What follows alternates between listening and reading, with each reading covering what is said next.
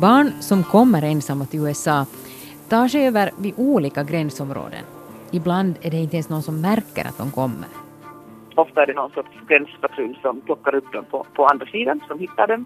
De barn som Sofie Koivulan jobbar med kommer vanligtvis från länder som Honduras, Guatemala och El Salvador och kan vara så små som sex år.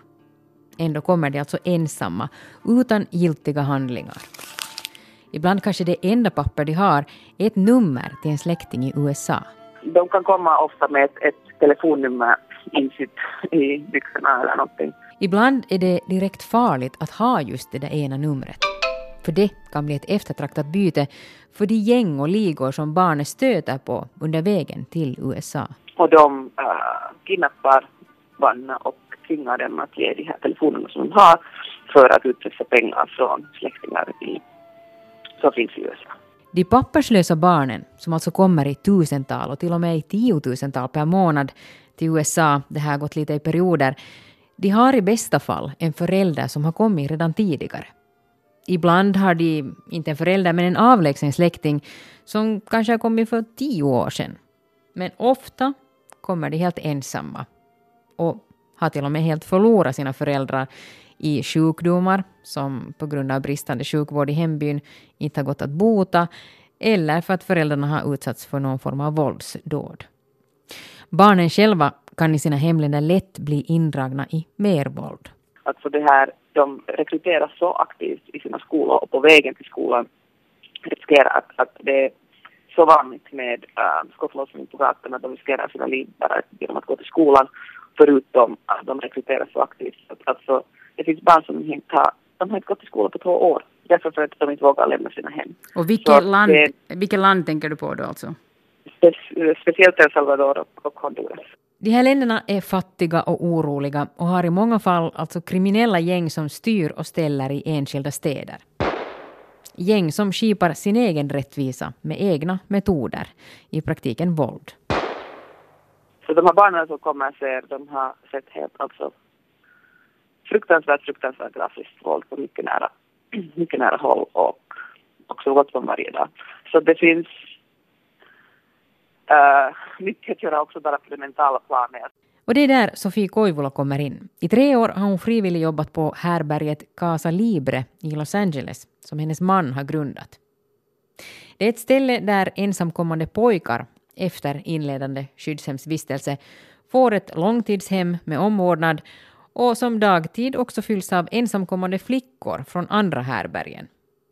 Här på Casa Libre ordnas kurser av olika slag. Man läser läxor och tränar engelska, spelar fotboll, har olika typer av workshops och spelar teater till exempel. Men det viktigaste är ofta bara att prata. För Sofies del handlar det om att vara en vuxen som barnen kan anförtro sig åt. De tycker det är jättespännande att jag är från Finland. De känner ingenting till, så vi talar jättemycket om, om uh, Norden och, och och att jag också måste lära mig engelska och, och spanska, det är inte mina språk heller. Jag har också måste lära mig att navigera i en, i en främmande stad, ett, ett främmande land. Um, och sen är det mera bara att, att lyssna och vara närvarande och vara en, en vuxen i deras liv. Sen i somras har Sofie Koivula dessutom ett nytt jobb för organisationen KIND som står för Children in Need of Defense, barn i behov av skydd och försvar. Då djupintervjuar Sofie barn i samma situation, det vill säga sådana som kommit illegalt till USA, för att utreda hurdan asyl de är berättigade till. Sen bekostar den här organisationen den jurist som barnen behöver för att genomföra rättsprocessen.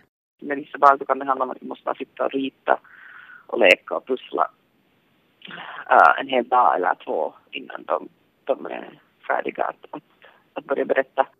Eftersom barnen ofta misstror myndigheterna helt rättmätigt på grund av dåliga erfarenheter i sina hemländer, så har de alltid inte så lätt att berätta för främmande vuxna om hurdana omständigheter de kommer ifrån. Vilket behöver göras för att de ska kunna beviljas asyl i USA. Tack vare att Sofie ändå har flerårig erfarenhet av barn i samma situation så har hon också lättare att få dem att öppna sig. Det hemska är att, att det är många som, som inte blir, äh, som skulle ha ett totalt rätt till asyl och en jättebra asylcase, men de är så vana vid att man kan inte lita på, på myndigheter, man kan absolut inte lita på polisen. Så att äh, alltså, de vågar inte berätta någonting. Så att uh, så jag är glad att den erfarenhet som jag har haft, och det har fått mig, jag har lärt mig att, att vara med dem och tala med dem på ett sätt som, som, som de litar på mig helt enkelt och jag får dem att, att, det där, att, att berätta allt som har hänt och det ger dem en, en, en bättre chans till, till asyl. En del av de här barnen som hon utreder asyl för bor på Casa Libre, andra bor på andra härbergen. Nu då Donald Trump vann presidentvalet så var det ett bakslag för de som har jobbat med invandringsfrågor i USA eftersom Trump har varit så kritisk.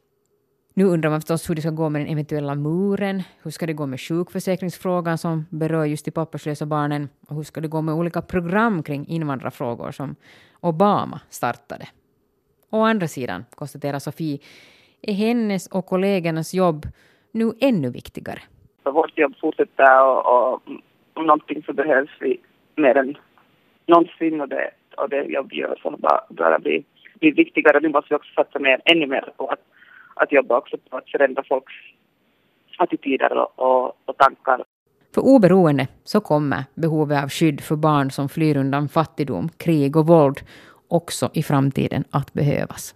Det har liksom ingen skillnad vem som, vem som sitter i Vita huset för att det här, de kommer inte att sluta komma och, eh, och vi måste göra vad vi kan för att, för att skydda dem.